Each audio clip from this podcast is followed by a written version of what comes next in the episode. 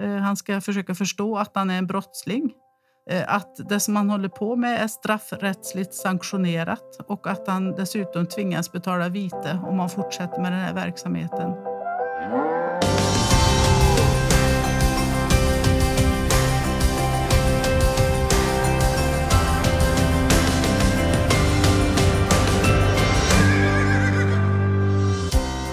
Eva Nilsson är vattenbiologen som i likhet med många andra såg utrivningen av dammar som nödvändig för att uppnå biologisk mångfald.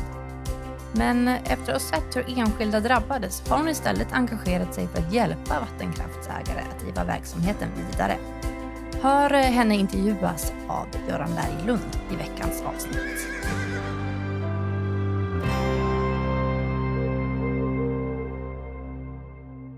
Eva Nilsson, välkommen till Lantbrukspodden. Tackar. Vi ska prata vattenförvaltning. Jag tänkte först säga att det låter som ett torrt ämne, men det kan det omöjligt vara. Men eh, det är i alla fall något som, som du har ägnat en, en stor del av ditt yrkesliv åt. Eh.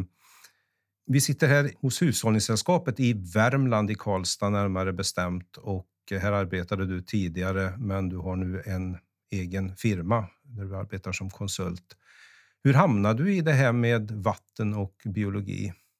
Efter cirka 20 år i annan yrkesverksamhet så bestämde jag mig för att börja eh, läsa in gymnasiet. Och, ehm, där upptäckte jag ju livet under vattnet som var otroligt fascinerande. Eh, efter att jag hade läst in gymnasiedelen så ville jag ju fortsätta att veta mer om detta livet så jag sökte in till universitetet och läste en kemi-biologilinje där. Eh, och det var ju biologin som, som tog mig med storm. Så jag fortsatte och specialisera mina kurser på akvatisk ekologi och vattenvård. Därefter så hade jag ju ett examensarbete som skulle göras färdigt och jag var lite seg med det. Eh, så under tiden så jobbade jag ju som forskningsassistent åt Olle Kalles, en av doktoranderna, eller då doktorand på Karlstad universitet. Nu är han färdig doktor och forskare. Och det var ju också otroligt intressant att få vara med i ett forskningsprojekt och delta eh, praktiskt i allt det som jag tidigare hade läst. Ditt första jobb då, det blev på Länsstyrelsen här i Värmland? Nej, du Nej. var en, en sväng på fisk, det dåvarande Fiskeriverket först? Ja. ja, det stämmer. 2003 fick jag jobb på Fiskeriverket i Öregrund. Eh, där jobbade jag på laboratoriet med laboratorieanalys. Eh, och då var det bland annat eh, åldersbestämning av fisk och eh, så var vi ute och hämtade in bottenfauna som vi studerade också. Eh, det var ett och ett halvt år där och sen började jag på Länsstyrelsen i Värmland 2005. Och vad sysslade du med på Länsstyrelsen? Eh, jag jobbar just med vattenverksamhet, där elfte kapitlet miljöbalken. Eh, och det var en väldigt intressant tid, för det hände ju väldigt mycket med miljöbalken just då. Bland annat så kom ju det här med att mindre vattenverksamheter kunde anmälas och då blev ju det ytterligare arbetsuppgifter för Länsstyrelsen eftersom anmälan sköttes av Länsstyrelsen. Det var väldigt intressant. Jag var där eh, fem år. Vad, vad innebär det att man kunde anmäla? Är det, är det positivt eller negativt? Hur ska det tolkas? Eh, det är positivt. Det är ju så, förut så gällde ju bara tillståndsplikt för all vattenverksamhet. Men då blev det ju ett förenklat förfarande för mindre vattenverksamheter så att allt inte behövde till domstol utan det gick även att anmäla mindre vattenverksamheter till Länsstyrelsen. Jag började min karriär på Länsstyrelsen med biotopkartering. Eh, så då var jag och ett gäng ute och karterade vatten i Värmland under en sommar. Och Det var också otroligt eh, fascinerande och intressant. Vad var det ni tittade efter då? Eh, man kartlade vattendraget. Man ville kartera sina vattendrag för att se hur de såg ut. helt enkelt. Man ville till exempel Många vattendrag i Värmland har ju varit flott, flottleder och då ville man se hur omfattande rensningen var och vilken möjlighet som fanns att återställa vattendraget eh, efter rensningen. Tittar man efter sånt som miljögifter och försurning och sådana grejer? Då? Nej. Nej, inte, utan det var mer en fysisk kartering. Eh, man, man tittade och observerade också vart det fanns eh, vart man såg vak av fisk och, och vart man såg sånt. Och sen jobbar man då också med att Ehm, få ja, bättre fiskvandring då förbi olika hinder som dammar till exempel. Hur, hur, hur gick det till då på den tiden? Nu rör vi oss alltså ja, 2005, 2010 ungefär. Då 2005 så var det ju så att när man var ute och karterade så kom man fram till ett vandringshinder och då skulle man avgöra om vandringshindret var naturligt eller om det var skapat av människan. Om vandringshindret var skapat av människan så gjordes det däremot ingen bedömning om eh, det i grunden var ett naturligt vandringshinder. Och detta var ju en svaghet i karteringen som jag har upptäckt i efterhand när jag har jobbat med eh, ärenden i domstol och försökt bevisa att det finns naturliga vandringshinder och att man därför inte ska anlägga en fiskväg för att släppa förbi fisk.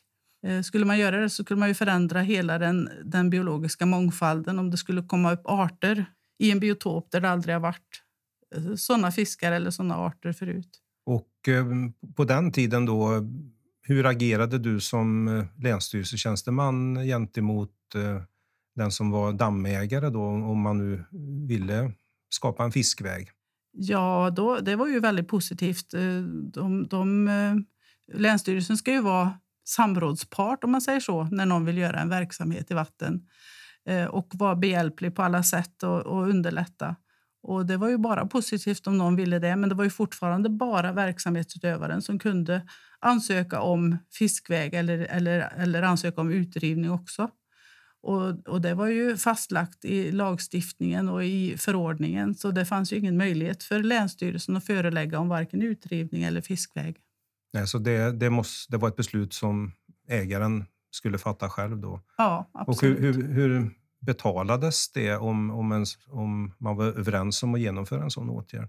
Ofta så var det ju... Eh, Länsstyrelsen hade ju biotopvårdspengar som man kunde bidra med. Eh, kanske inte till enskilda verksamhetsutövare men om det var en fiskevårdsområdesförening som ville göra åtgärder till exempel så kunde man ofta få ta del av de här biotopvårdspengarna för att, för att återställa efter flottledsrensning och så vidare nu är vi ändå bara tio år tillbaka i tiden, men det känns ju ändå som en helt annan värld för damm och kraftverksägare gentemot hur det har sett ut på senare år. Hur förändrades hela den här bilden? Ja, det, det förändrades över en natt kan man säga i samband med att de här gisslarbodomarna togs. Så, så förändrades ju ja, eh, själva äganderätten. För helt plötsligt så var det inte ägaren själv som bestämde om man ville riva ut eller bygga fiskväg. Utan enligt praxis så kunde nu Länsstyrelsen gå in och förelägga en verksamhetsutövare och ansöka om tillstånd eller, eller att riva ut. Vi ska säga så att Gisslabodomarna har ju blivit något av ett begrepp inom eh, eh, för de som sysslar med, med vattenverksamhet och det var domar som avkunnades av Mark och miljööverdomstolen, så de var således icke överklagningsbara. Vad var det som gjorde att eh, man kunde döma på det sättet och, och, som du säger över en natt och ändra spelreglerna? Eh, tack vare Gisslabodomarna, eller i, kanske i samband med Gisslabodomarna, så lyckades man ju hitta ett kryphål i miljöbalken Eh, det var en formulering som inte hade följt med från vattenlagen till miljöbalken och tack vare det så kunde man ju utnyttja det och få till en helt ny praxis som inte hade rått tidigare. Detta var ju väldigt omdiskuterat och eh, i vattenverksamhetsutredningen så hade ju Henrik Löv tillstått att det var så att det var bara verksamhetsutövaren som kunde ansöka om utrivning eller tillstånd. Men efter Gisslabodomarna så var det ett helt annat förhållande. Och denne Henrik Löv var alltså den domare som satt eh, och ledde överdomstolen då i, i de här målen. Det stämmer. Och följderna då utifrån eh, det här ändrade rättsläget, vad ändrades? Eh, ja, det blev ju så att alla eh, kraftverksägare blev ju lagligt byte om man säger så. Eh, så länsstyrelserna gjorde ju omfattande tillsyn och skickade ut förelägganden om att ansöka om tillstånd för en anläggning som hade funnits i 300 år.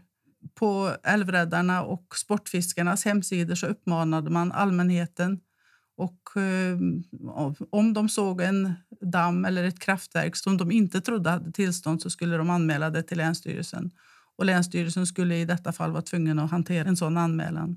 Och hur märkte ni på Länsstyrelsen då av, av det här förändrade läget? Jag hade ju slutat på Länsstyrelsen då. Jag jobbade på Länsstyrelsen till 2010 och då rådde ju fortfarande det här att, att det var verksamhetsutövaren eh, som hade ansvaret och som hade rätten på sin sida. 2012 hade jag börjat på Hushållningssällskapet och jobba.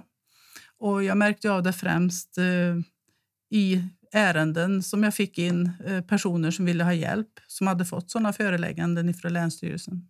Var fick Länsstyrelsen i sin tur sina direktiv från? Då? För det kanske inte var där som, som initiativet startade? Då, eh, nej, de fick ju sina eh, råd och, eh, eh, ifrån Havs och vattenmyndigheten. Till exempel Anders Garstedt skrev ju efter de här Gislabodomarna att nu har vi ett verktyg och eh, nu kan de gå ut med råd till länsstyrelserna hur de ska agera i sådana här fall. Jaha, så det var ungefär som man hade gått och väntat på, på den här möjligheten då, eller hur ska man tolka det? Ja, det var verkligen så som de hade gått och väntat på det. För, för precis direkt efter det här så hände ju otroligt mycket inom vattenverksamheten. Ärenden som tidigare hade hanterats som anmälningsärenden till exempel en dammägare som skulle göra en, en mindre åtgärd vid ett kraftverk och hade fått okej okay från Länsstyrelsen via en anmälan. Eh, de kunde helt plötsligt nu rivas upp och säga att de här åtgärderna eh, var mer omfattande än vad anmälan hade sagt och att nu måste ni söka tillstånd för det här kraftverket för att ni har gjort de här åtgärderna. Mm. Alltså hela verksamheten ifrågasattes plötsligt. Eh, Precis. Även om man bara skulle göra en mindre förändring. Precis. Det finns ju en princip inom miljörätten som säger att förorenaren betalar. Och det var ju även en ekonomisk aspekt i det här att, att kostnaderna för de åtgärder som, som myndigheterna ansåg nödvändiga, de lades nu på verksamhetsutövaren, alltså den som ägde dammen eller drev kraftverket. Och det här är naturligtvis en, var också en jättestor förändring. Ja, det var det. Eh, I de här föreläggandena så, så var det ofta ganska stora viten med. Eh, och eh, de, de var ju inte förhandlingsbara och de var ju satta så, så pass högt så att verksamhetsutövaren inte hade något annat val än att gå till domstol och ansöka om tillstånd för den verksamhet man bedrev. Mm. Och det är ju ganska stora pengar i regel det handlar om om man ska göra de här åtgärderna. Det, det kommer väl snabbt upp i miljonbelopp, eller hur? Ja, det gör det. Och det var ju så att det var ju oftast ett, ett vite för att komma in med en ansökan, anmälan till domstolen. Och hade man inte gjort det så var det ett löpande vite på ett antal kronor varje halvår så länge som kraftverksägaren eller så länge som verksamheten bedrevs. Mm. Och hur snabbt förstod de som verkade inom den här branschen vad det var som hade hänt? För det, det måste ju ha tagit dem lite med, med överraskningen då? Eller? Ja, det tror jag att det gjorde. Det, det, tog ju mig med överraskning också. Jag kunde ju inte förstå hur lagstiftningen eller hur, hur synsättet kunde förändras över en natt efter att jag hade jobbat i fem år med en specifik lagstiftning och jag visste vad som gällde. Men eh, länsstyrelserna var, var snabba att förstå det här och eh, ja, innan 2014 så hade det kommit ut ett stort antal förelägganden, inte bara i Värmland utan i hela Sverige. Ja, det var alltså inget problem att få Länsstyrelsens eh, vattenenheter med på noterna här och att börja jobba enligt de, de här nya, mycket tuffare riktlinjerna? Nej, inte alls. Det var mycket enkelt. De var med på noterna på en gång och speciellt när man får råd och direktiv från Havs och vattenmyndigheten om att det är så här man ska göra så gör man ju det. Mm. Eh, du hade då börjat på Hushållningssällskapet och då anlitades du oftast då istället för att ha, ha haft eh, vattenkraftsägaren, dammägaren som motpart, så nu var det din eh, uppdragsgivare då istället. Hur, hur påverkade det dig personligen i ditt, i ditt arbete? För att, eh, jag menar, grunden är ju ändå densamma för, för en biolog. Man, man vill eh, åstadkomma det bästa möjliga då, eh, för naturen och allt som lever där. Absolut, precis så är det. Jag, jag brann ju för biologin. Det var ju därför jag valde att bli biolog. Eh, så jag såg ju fördelarna med, med att åstadkomma vandringsvägar för fisk. Eh, det är ju otroligt positivt. Men i och med att jag hamnade på den andra sidan så såg man ju också nackdelarna. Man såg ju hur de enskilda fastighets eller enskilda kraftverksägarna drabbades. Eh, och det är ju en, till stor del en, en, ideell verksamhet de håller på med. De brinner ju, de har ju ett intresse för kraftverk och de jobbar med det så det är inga stora pengar i det heller. Och så när de förelades med enorma viten för att ansöka om tillstånd eller riva ut så upptäckte jag, eller jag kände att det här var ju liksom inte vad jag hade jobbat för. Det här var ju inte vad jag ville. Nej, för, för i den här myndighetsutövningen så ser man väldigt eh, mycket till just miljökrav och eh, miljöåtgärder. Man ser väldigt lite till eh, pågående verksamheter som kanske har funnits där i hundratals år och eh, även då sociala aspekter som, som en viss miljö som folk är vana vid har skapat. Ja, visst är det så. för en bygd så kan det ju vara avgörande att man får ha kvar den här dammen och det här kraftverket som finns här. Eh, det är ju otroligt viktigt på många olika sätt och inte minst för, för själva ägaren. Han har, ju, han har ju en fastighet, han har ju en verksamhet som han har investerat i under väldigt lång tid. Och sen helt plötsligt så upptäcker man att någon anser att den här verksamheten är olaglig och man blir stämplad som en brottsling. Eh, man får ett högt vite som man inte har möjlighet att betala. Man, man finner ju ingen utväg. Man blir ju ställd mot väggen. Och för många av de här då så var det inte så länge sedan de hade snarare sett som någon form av miljöhjältar. De producerade fossilfri elektricitet och visserligen inte så så stora mängder, men ändå. De gav sitt bidrag då till, till eh, elförsörjningen. Visst var det så. De kunde ju driva en hel industriell verksamhet och där, som kunde sysselsätta ja, i alla fall upp till fem personer utan problem på ett litet kraftverk. Fritt rinnande vatten. Du får förklara lite. Var, varför är det så viktigt? Eh, det är ju viktigt för att de naturliga processerna i vattnet ska upprätthållas ett, ett fritt rinnande vatten det, det, blir ett turbulent vatten, det blir ett vatten där sedimenttransporter och allting sker på ett naturligt sätt. Och det blir ju ett vatten där fisk och andra eh, vattenlevande djur kan vandra obehindrat. Men om man nu har haft en, en damm då, eller flera dammar är det oftast i hundratals år. Hur har eh, växt och djurlivet anpassat sig till det? Då? För det måste det ha gjort. Ja, det har ju inträtt ett nytt naturtillstånd. Här finns ju en helt annan biotop än det kanske fanns ursprungligen. Eh, här finns ju växter, mossor, här finns ju eh, bottenfauna som inte skulle finnas i ett rinnande vatten. Så det finns ju ett väldigt värdefullt biologiskt liv i det här, i det här vattnet också, eller i det här uh, och det, inne, ja, det innebär då att, att om man då ändrar förhållandena så det är klart att då, då kommer sådana som eh, frodades i det stillastående vattnet, de kommer att, att drabbas när det blir ett fritt rinnande vatten. Det, det, är inte för alla arter som det fritt rinnande vattnet är av god, utan det, det är några som måste naturligtvis få, få, en negativ påverkan. Ja, men så är det ju. Det, det, är det ju absolut. Och ett vattendrag är ju ofta naturligt uppbyggt av strömmar och sel. Så jag menar det som händer i, ett, i en damm eller i ett, i ett vandringshinder det är ju att det blir ett sel ett lugnvatten. Och det finns ju även naturligt i, i ett eh, vattendrag, så det är ju inte något onaturligt det heller. Öring, det är en eh, fisk som på något sätt symboliserar det här med att riva bort vandringshinder i, i vatten. Vad beror det på? Varför är öringen denna symbol? Öringen är ju en fantastisk fisk. Eh, det tycker jag också. Det har, det har bara blivit öring som gäller för biologisk mångfald och det tycker jag är fel. Det finns ju så otroligt mycket mer än öring.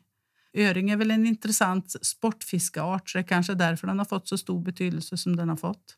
Ja, finns det någon annan förklaring varför, varför just öringen ska vara den ultimata måttstocken på, på att eh, vattenmiljön är bra?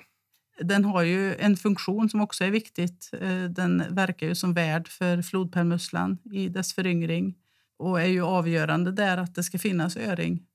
Eh, men i det fallet så är det ju inte sagt att det ska vara vandrande öring för ofta så finns det ju ett vattendrag stationära öringstammar också. Eh, stationära öringstammar kan det finnas tack vare att det finns ett vandringshinder men även utan vandringshinder så finns det ju de öringbestånd som inte vill vandra av olika anledningar. Men är de öringbestånden lika viktiga då, de här stationära? De är precis lika viktiga. för Den öringen som är viktig för flodpärlmusslans reproduktion det är ju nollplusöring, alltså öringyngel. För det är de som infekteras av flodpärlmusslans larver och som transporterar dem uppåt. Och då spelar det ingen roll om det är vandrande öring eller om det är stationära bestånd. Huvudsaken är att det finns en reproduktion av öring i vattendraget. Ja, flodpärlmussla och öring nämns ofta tillsammans. Vad, vad är det som gör den här flodpärlmusslan så väldigt eh, viktig och värd att bevara och värna? Eh, det är ju en, en eh, gammal inhemsk art. Den eh, är en bra indikator på ett bra vatten. Där det finns flodpärlmussla där är det oftast väldigt bra vatten. Det är en art som kan bli väldigt gammal. Den kan bli upp till 300 år. Och, och det är en art som är viktig för reningen i vattnet också. Flodpärlmusslor filtrerar ju vatten. Och hur har situationen blivit de eh, sista åren för, för de här arterna? Är, är de på nedåtgående då eller hur ser, ser läget ut? Eh, det är jag inte alls säker på att det är, för man hittar ju många nya flodpärlmusslebestånd. och det är ju väldigt positivt. Eh, samtidigt så kan det ju vara så att de blir väldigt påverkade av många saker. Till exempel, det ska byggas vägar. Man tar inte hänsyn till flodpärlmusslor när man lägger trummor i vattendrag. Försurningen är också ett stort hot mot flodpärlmusslan. Och även slam och sånt här som kommer ut i vattendraget gör ju att flodpärlmusslan mår dåligt och inte kan filtrera.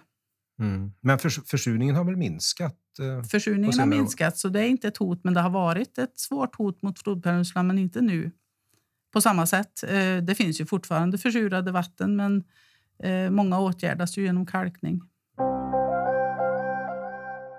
Du nämnde organisationer som Älvräddarna och Sportfiskarna.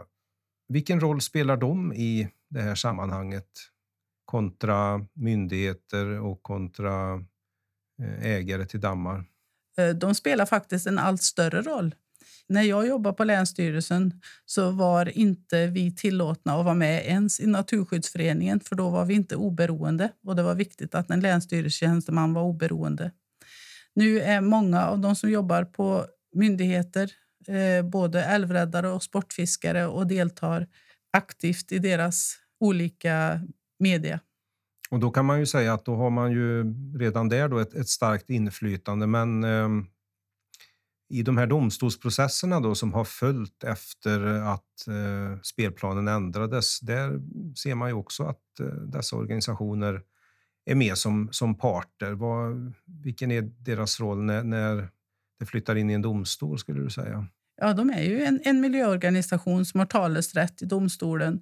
Eh, så, så, de har ju eh, sin fulla rätt att komma in med yttranden och, och eh, begära komplettering och sånt där.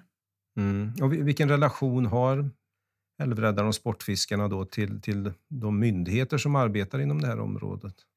Det är väldigt olika, men i, i vissa fall så har vi ju sett hur myndigheterna sitter i knät på älvräddarna Eh, till exempel i en förhandling som vi var på uppe i Umeå så la älvräddarna fram ett underlag som de ansåg styrkte att det hade skett stora förändringar eh, Eh, av verksamheten och av anläggningen. Efter att ha sett det här uttalandet så ändrar sig Länsstyrelsen, eh, Länsstyrelsen ändrar sin inställning. För tidigare hade de presenterat en massa förslag på villkor för att verksamheten skulle få tillstånd. Efter att ha sett och hört Älvräddarnas presentation så avslår de verksamheten utan att kritiskt granska eller utan att veta säkert, utan de bara gick på Älvräddarnas presentation och utredning. Älvräddarna, vilket man hör på namnet, de bildades ju en gång i tiden för att just rädda älvar från eh, att bli utbyggda med vattenkraft. Men eh, man kan väl säga att organisationen har ändrat karaktär sedan dess och att deras mål nu är i första hand att riva bort befintlig småskalig vattenkraft. Är det, skulle du säga att det är en rättvis beskrivning? Ja, det är det och det är väldigt märkligt tycker jag. Eh, de små kraftverken har ju oftast mycket, mycket mindre påverkan på vattendraget än vad de stora, stora eh, kraftverken har. Det är där det blir stora torrfåror, det är där det blir stora skador. De små kraftverken drivs ofta som strömkraftverk och orsakar inte speciellt stora problem i ett vattendrag. Och om man dessutom anlägger en, en fiskväg så, så det är möjligt för fisk att ta sig förbi.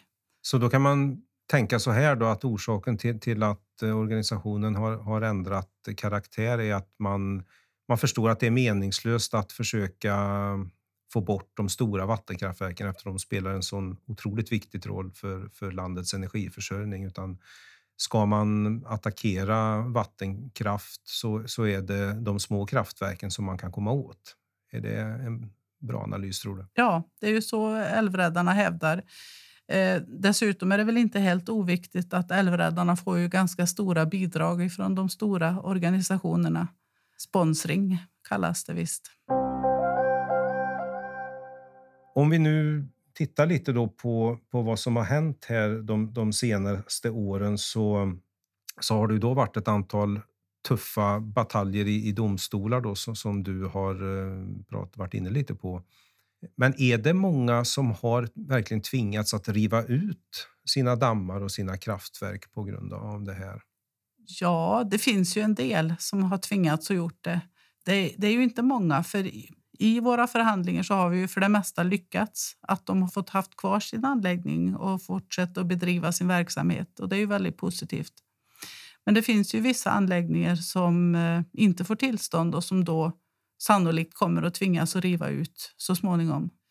Sen är det ju så att Älvräddarnas eh, senaste giv är ju att de går in och stöttar all utrivning av vattenkraft. De går in och betalar. Det finns ju någonting som heter Nationella fonden och även vid en utrivning så får ju kraftverksägaren bidrag från Nationella fonden.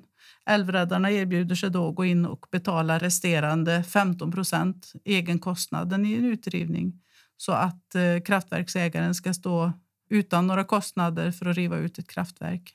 Har Älvräddarna så gott om pengar att man kan gå in med dessa 15 procent? Alltså? Älvräddarna har nog eh, kontakter, eh, bland annat eh, en fond för Östersjölax och bra miljöval. Ja, bra miljöval det är den som Svenska Naturskyddsföreningen driver. Ja.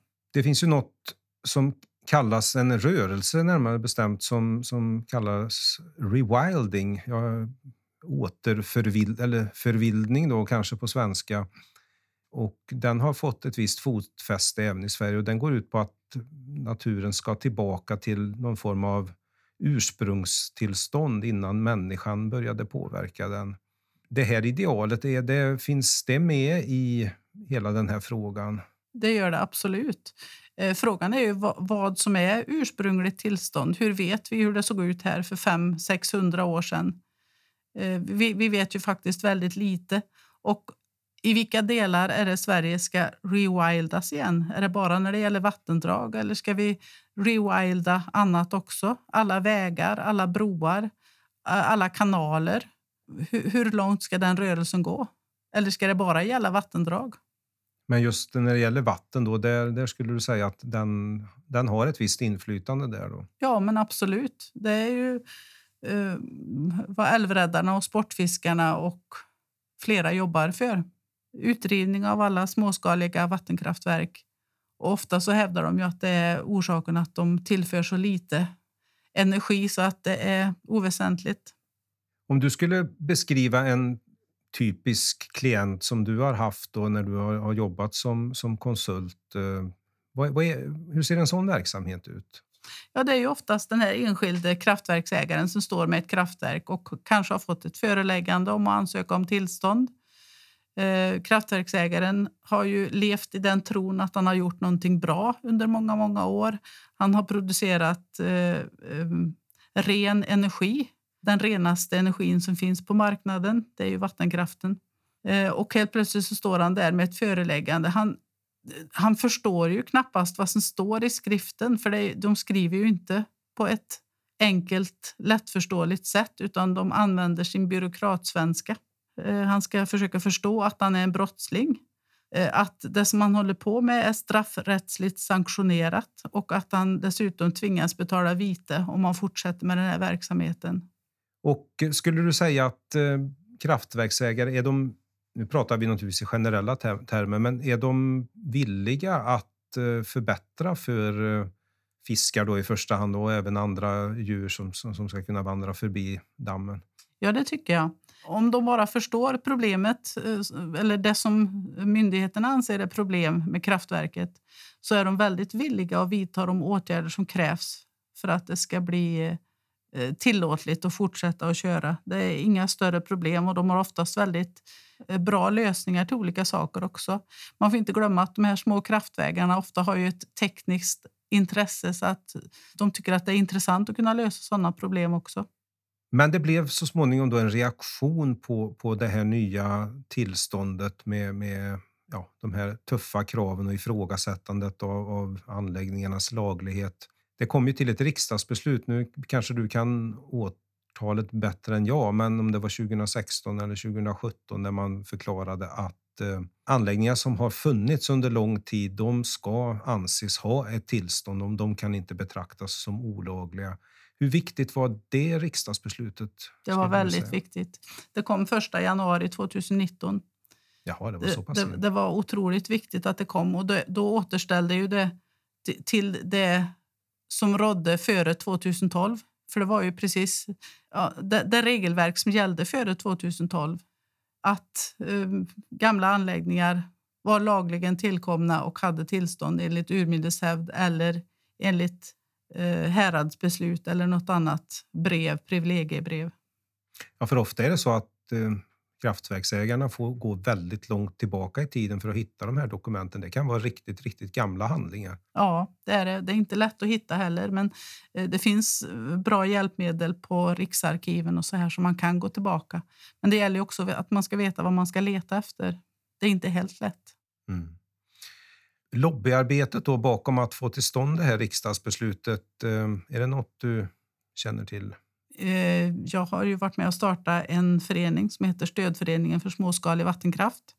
Det är en förening för alla oss som inte är kraftverksägare men som ändå anser att det ska finnas kvar småskalig vattenkraft. Att det ska kunna finnas eh, dammar för kvarndrift, sågdrift och energiproduktion. Eh, och vi mm, försökte så mycket så gott vi kunde. Vi är en liten förening med få medlemmar men vi lyckades i alla fall att få till tre ganska stora möten och så hade vi föreläsare och det var väldigt bra möten. Eh, politikerna blev intresserade och ville gärna veta mer. Ja, finns det politiker som uttryckligen säger att, att eh, man vill ha en sån här hård linje? Eller de flesta, när de får veta vad det är som har hänt, att man tycker att det är orimligt och vill korrigera det? Så är det ju till stor del. Att det har gått så långt som det har gjort har ju berott på att småkraftverksägarna är en väldigt liten grupp. Så det är ju ingen stor högljudd grupp och därför så har det varit svårt för politiker att fånga upp signaler eh, från de här. Men det är väl det som har börjat skett nu mer och mer, att de har talat om hur de blir drabbade av det här. Mm. För eh, om vi kan ju sätta lite siffror på det då så man brukar räkna strax under 2000 småskaliga vattenkraftverk och eh, småskaligt blir det, är det under 10 megawatts eh, ja, effekt? Va? det är så man brukar säga. Mm.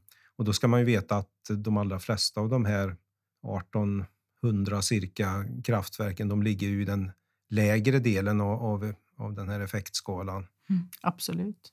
Där många kanske bara ger ja, elström som räcker till en 10-20 villor eller något sånt där om man skulle räkna på det viset? Ja, ja, så är det. Men det kan ju vara nog så viktigt. Eh, vi hade ett fall uppe i Los, en kraftverksägare som hade ett litet kraftverk där och som hade en synkrongenerator.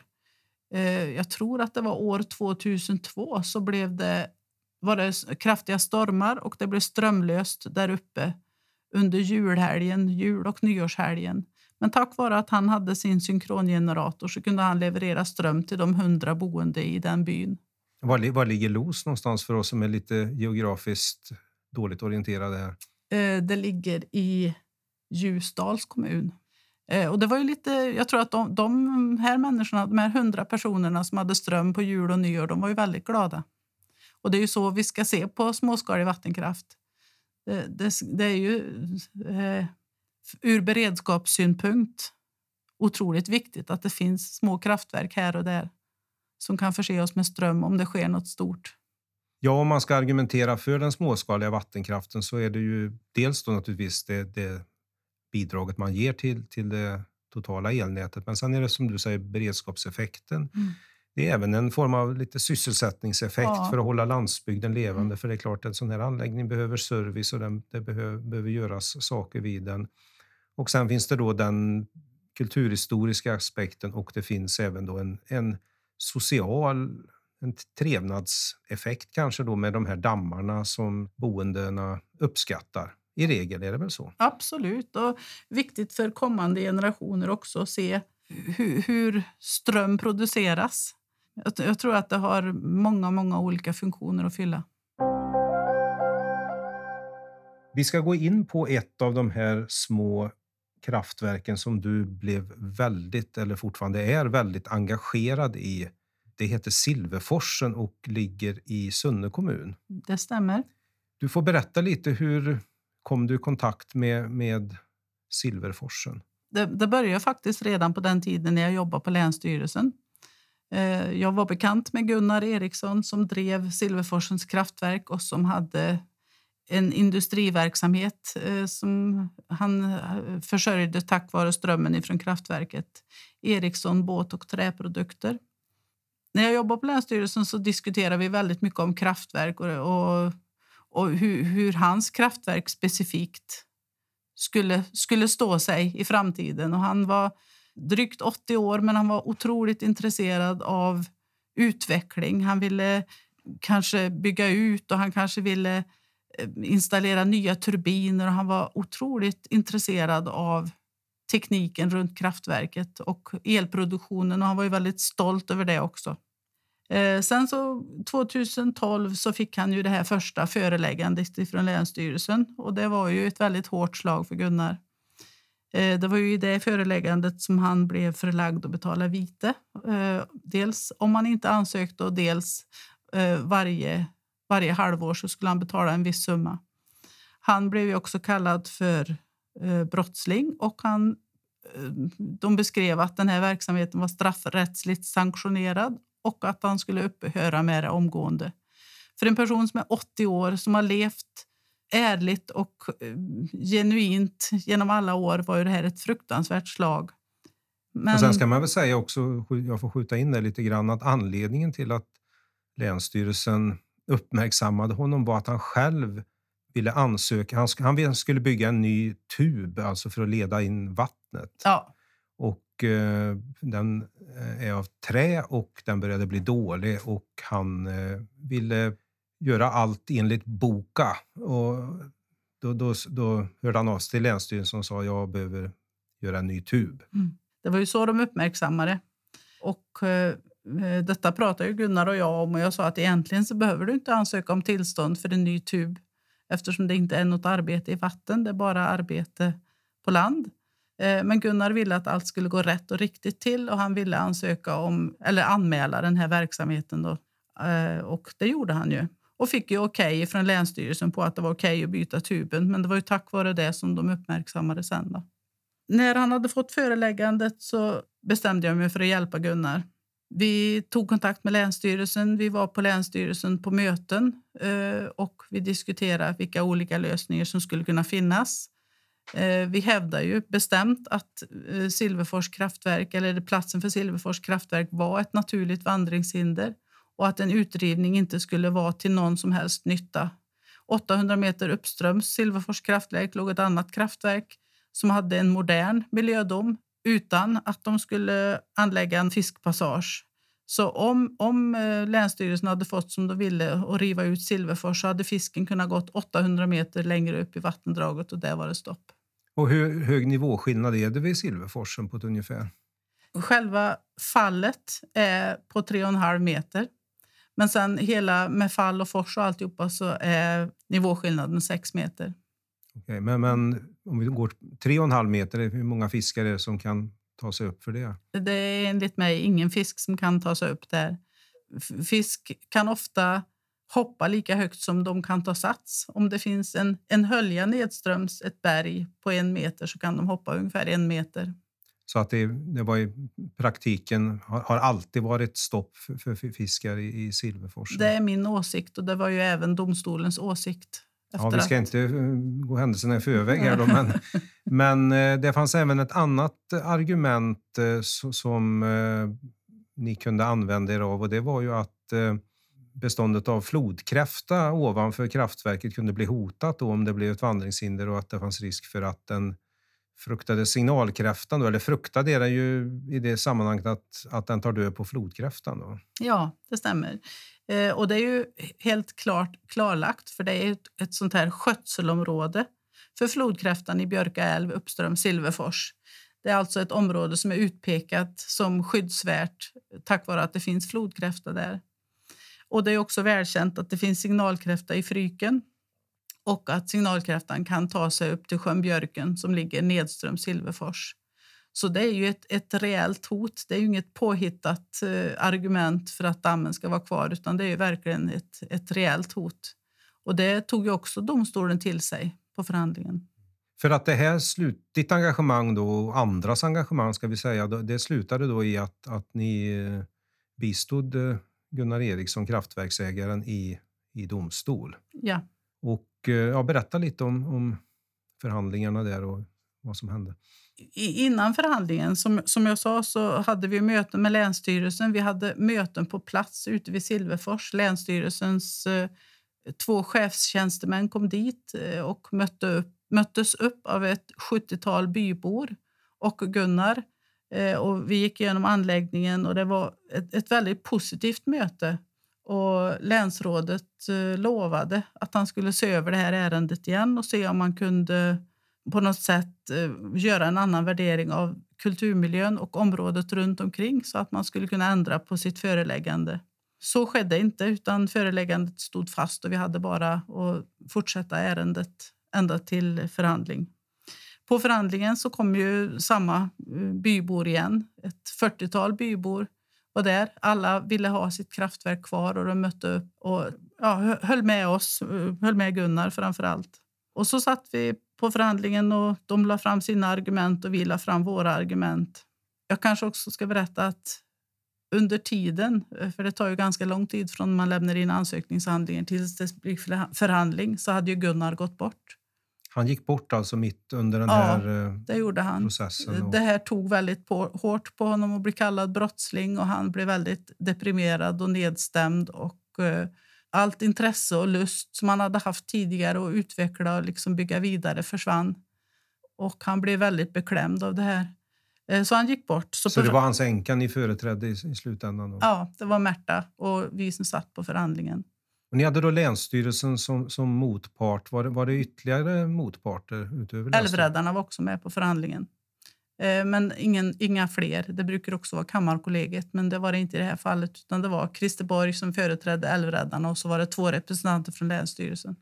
Men ni fick då det, det domslut ni ville ha. Att det är klart att man krävde vissa miljöanpassande åtgärder men i huvudsak skulle kraftverket kunna drivas vidare som, som tidigare. Och eh, i dagsläget, ja, det hade ju tagits ur, ur, drift då på grund av den här dåliga tuben och det är fortfarande inte taget i drift utan med hänsyn då till omständigheterna så, så är det ute till försäljning så vitt jag förstår. Ja, så är det.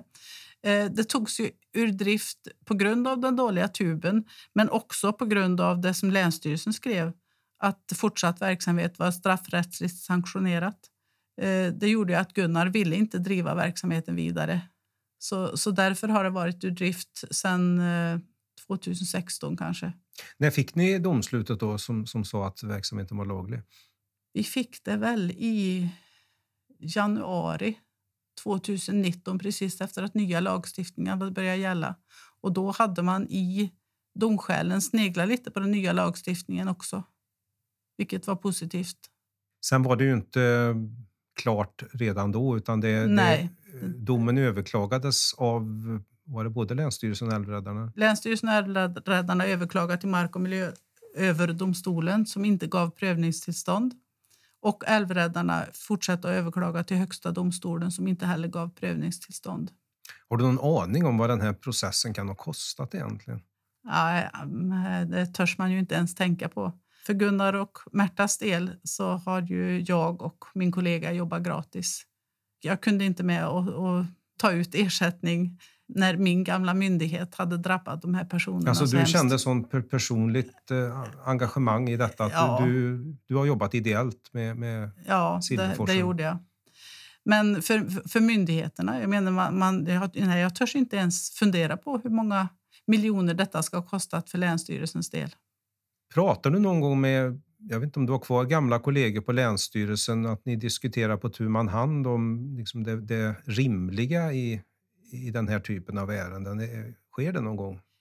Jag har ju kvar eh, eh, kollegor på Länsstyrelsen, det stämmer. Jo, men vi kan resonera, men vi har ju olika åsikter. Och vi kan ju inte närma oss varandras åsikter, utan de står ju för sin åsikt och jag står för min. Och deras kommentar är ofta att jag tar allting så personligt. Och, och jag vet inte hur man skulle kunna göra på något annat sätt än att ta det personligt. De ser det tydligen som ett, ett arbete och inte ser de personer som blir drabbade, de personer som står bakom, de personer som får deras förelägganden. Utan de ser det nog bara som ett, ett uh, arbete. Och det har du svårt att förstå? Ja, mycket.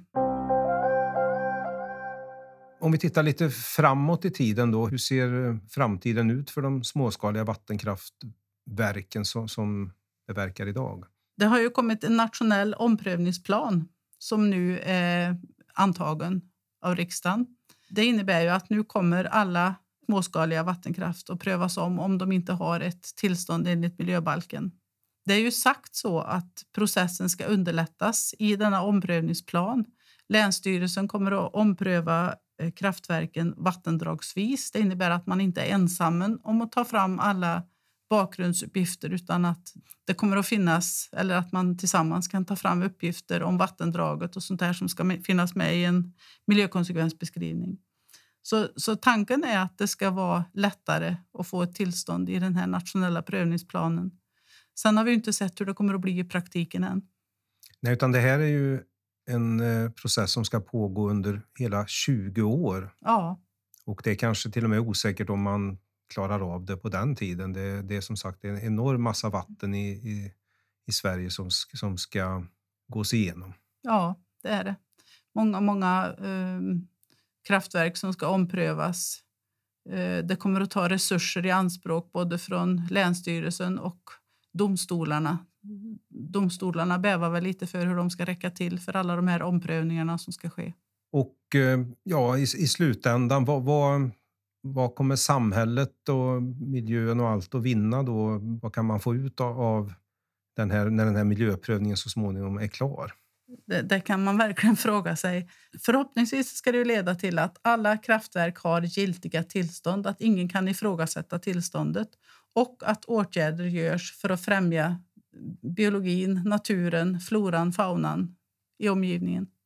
Främja biologiska mångfalden. Är Sverige ensamt inom EU att gå fram så här hårt mot, mot små vattenkraftverk eller ser man det här även i, i andra länder? Nej, Sverige är extremt. Sverige har implementerat ramvattendirektivet på ett helt annat sätt än andra länder har gjort. Eh, vi har ju ett vatten av väldigt bra kvalitet jämfört med många andra länder. Så andra länder har nog satsat på mer grundläggande frågor som, som gäller vattnets kvalitet. Här i Sverige har vi gått mycket längre och dragit det till sin spets. Och då handlar det väldigt mycket om, om barriärer i, i vattendrag. Ja, för vattenkvaliteten har vi i regel redan ja. så att eh, det, det, är på något sätt ett passerat stadium. Mm. Med de orden så tänkte jag att vi avslutar vår lilla pratstund och tackar dig, Eva Nilsson, för din medverkan i Lantbrukspodden. Tack själv. Du har lyssnat på Lantbrukspodden som den här veckan gästades av Eva Nilsson.